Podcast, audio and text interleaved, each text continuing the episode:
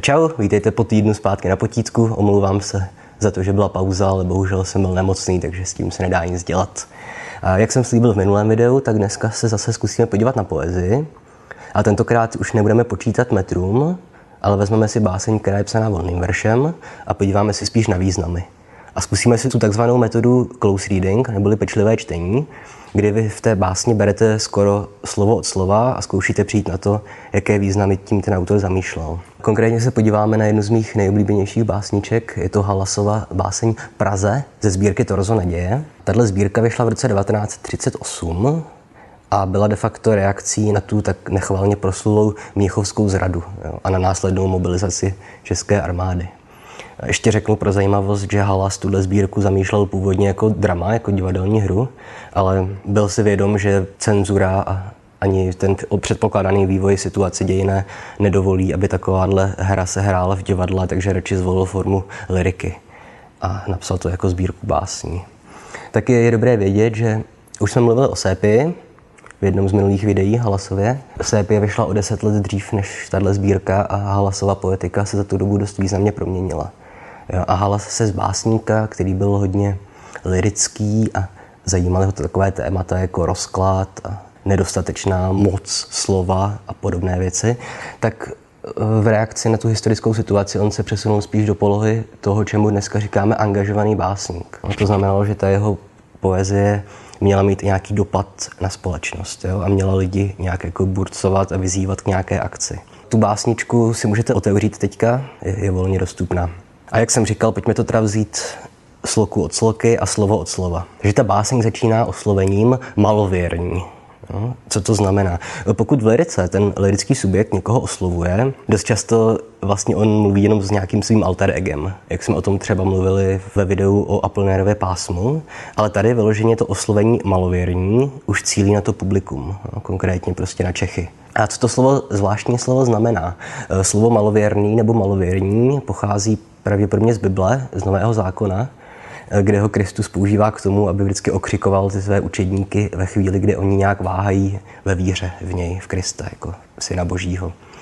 Konkrétně třeba v Matoušově evangeliu je situace, kdy Ježíš se svými učedníky nastoupí na loď a ten Ježíš usne a v tu chvíli se strhne bouře a ty učedníci začnou zmatkovat a budí toho Krista a říkají mu, cituju, pane, zachraň nás, vždyť umíráme.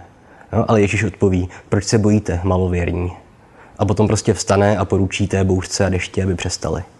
No, takže to malověrní je zkrátka jako výtka někomu, kdo ztrácí víru. Myslím, že to je dost očividné. Tak a tady zároveň vidíte, že Halas samozřejmě to nemyslí jako v tom biblickém významu, že by ty lidi byli malověrní, že nevěří v Boha. Jo? Sám Halas byl ateista.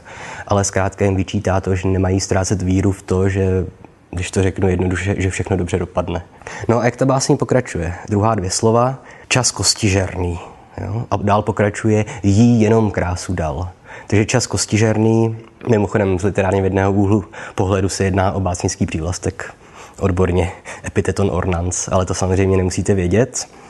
Tady myslím, není potřeba to nějak komplikovaně vysvětlovat. Čas kostižerný, to znamená čas, který sežere i kosti, že jo, který si všechno vezme, všechno zničí.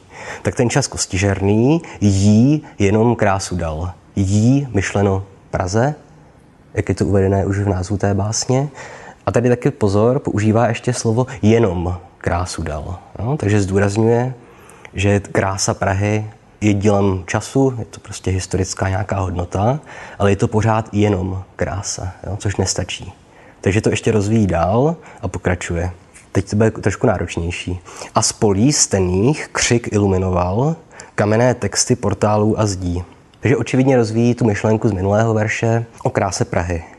A teďka, jak se vyložit ta pole stená?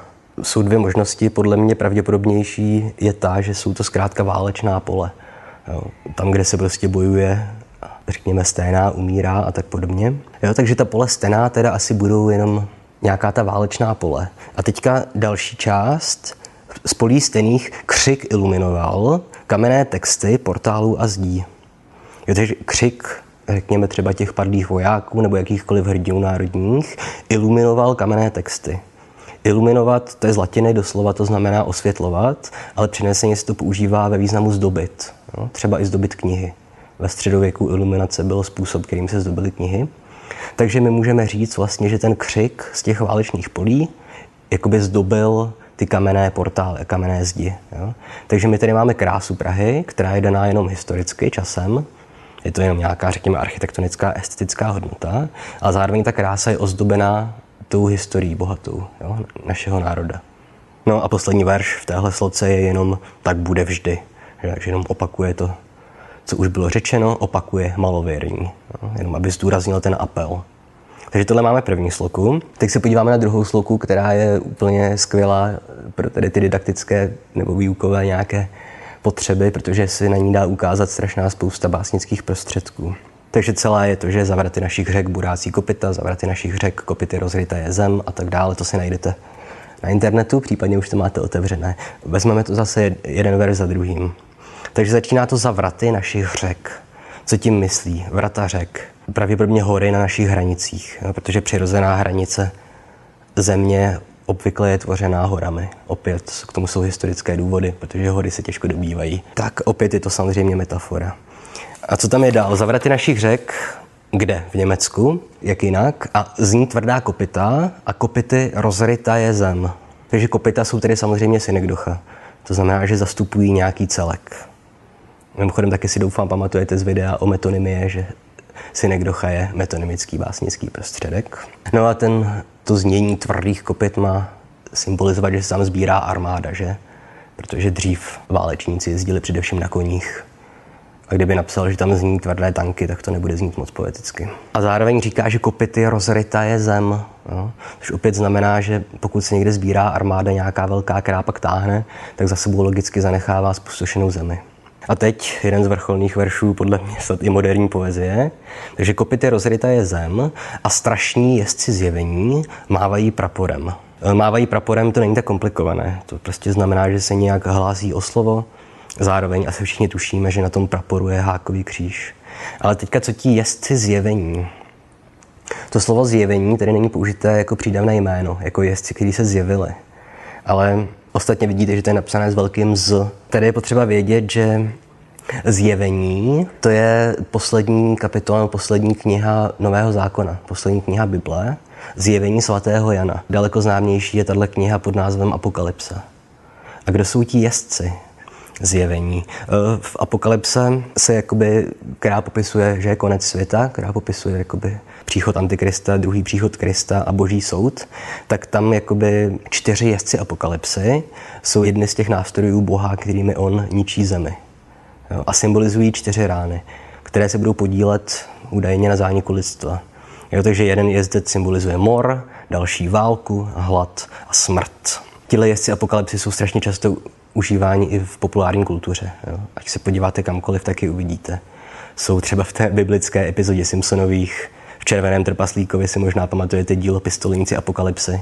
Tam jsou velice taky pěkně stvárnění. Dokonce je v X-menech je postava, který se jmenuje Apokalyps a má své čtyři jezdce. Jeden z nich je Magneto, že?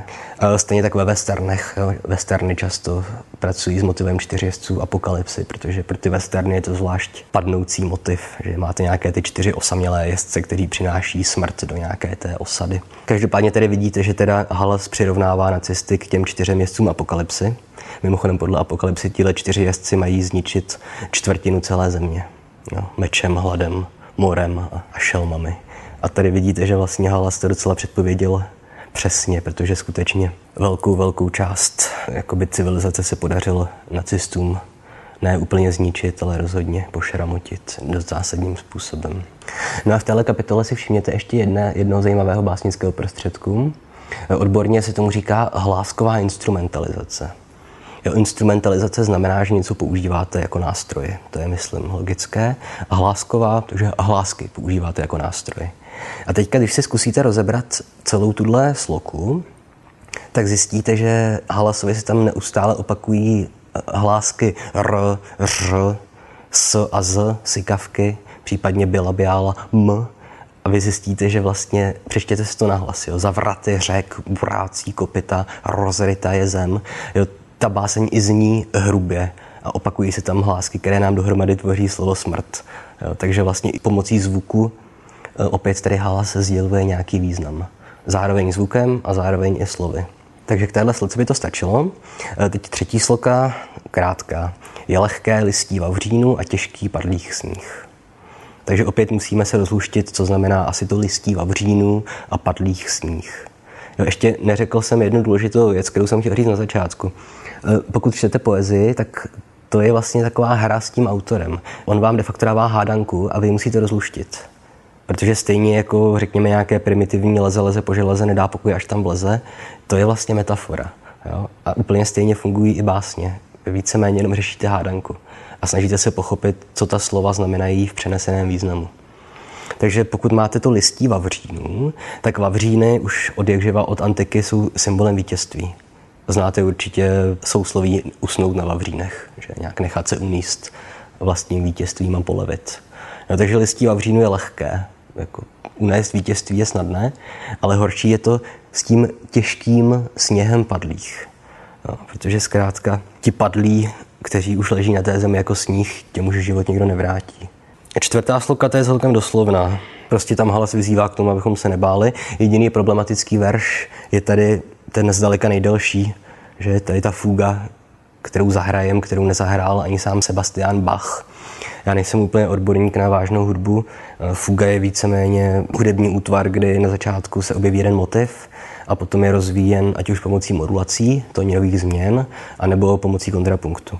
Pokud chcete vědět, co je fuga, na internetu, na YouTube přímo jsou krásná videa, eh, kde máte vlastně vizualizované ty postupy, které ta fuga používá. Není těžké to najít. Doporučuji od Bacha třeba fugu v démol. No, tu všichni znáte, i když o tom třeba nevíte. Až si pustíte tohle video s Bachovou fugou, tak zjistíte potom, že vlastně i báseň Praze funguje na stejném principu jako fuga. To znamená opakování motivů v různých variacích a potom rozvíjení nějakým tím kontrapunktem. Ale tohle všechno, co říkám, tak jako zdaleka přesahuje nějaké znalosti, které jsou potřeba pro střední školu. To je jenom pro zajímavost a pro ty, kteří se vyznají ve vážné hudbě. Tak, a už se podíváme na poslední sloku, která je monumentální. Mimochodem termín monumentální se používá hodně často, pokud někdo vykládá o hlasově sbírce Torzo naděje. A opět v ní tedy uvidíte ty vlastenecké motivy. Jo, takže kůň bronzový, kůň Václavův, se včera v noci třás a kníže kopí potěžkal. Pokud máte nějaké historické období, kdy je národ v ohrožení a hrozí, že zanikne, básníci i jiní aktivní lidi se často odvolávají jednak na světce národní a jednak na nějaké významné osobnosti národních dějin.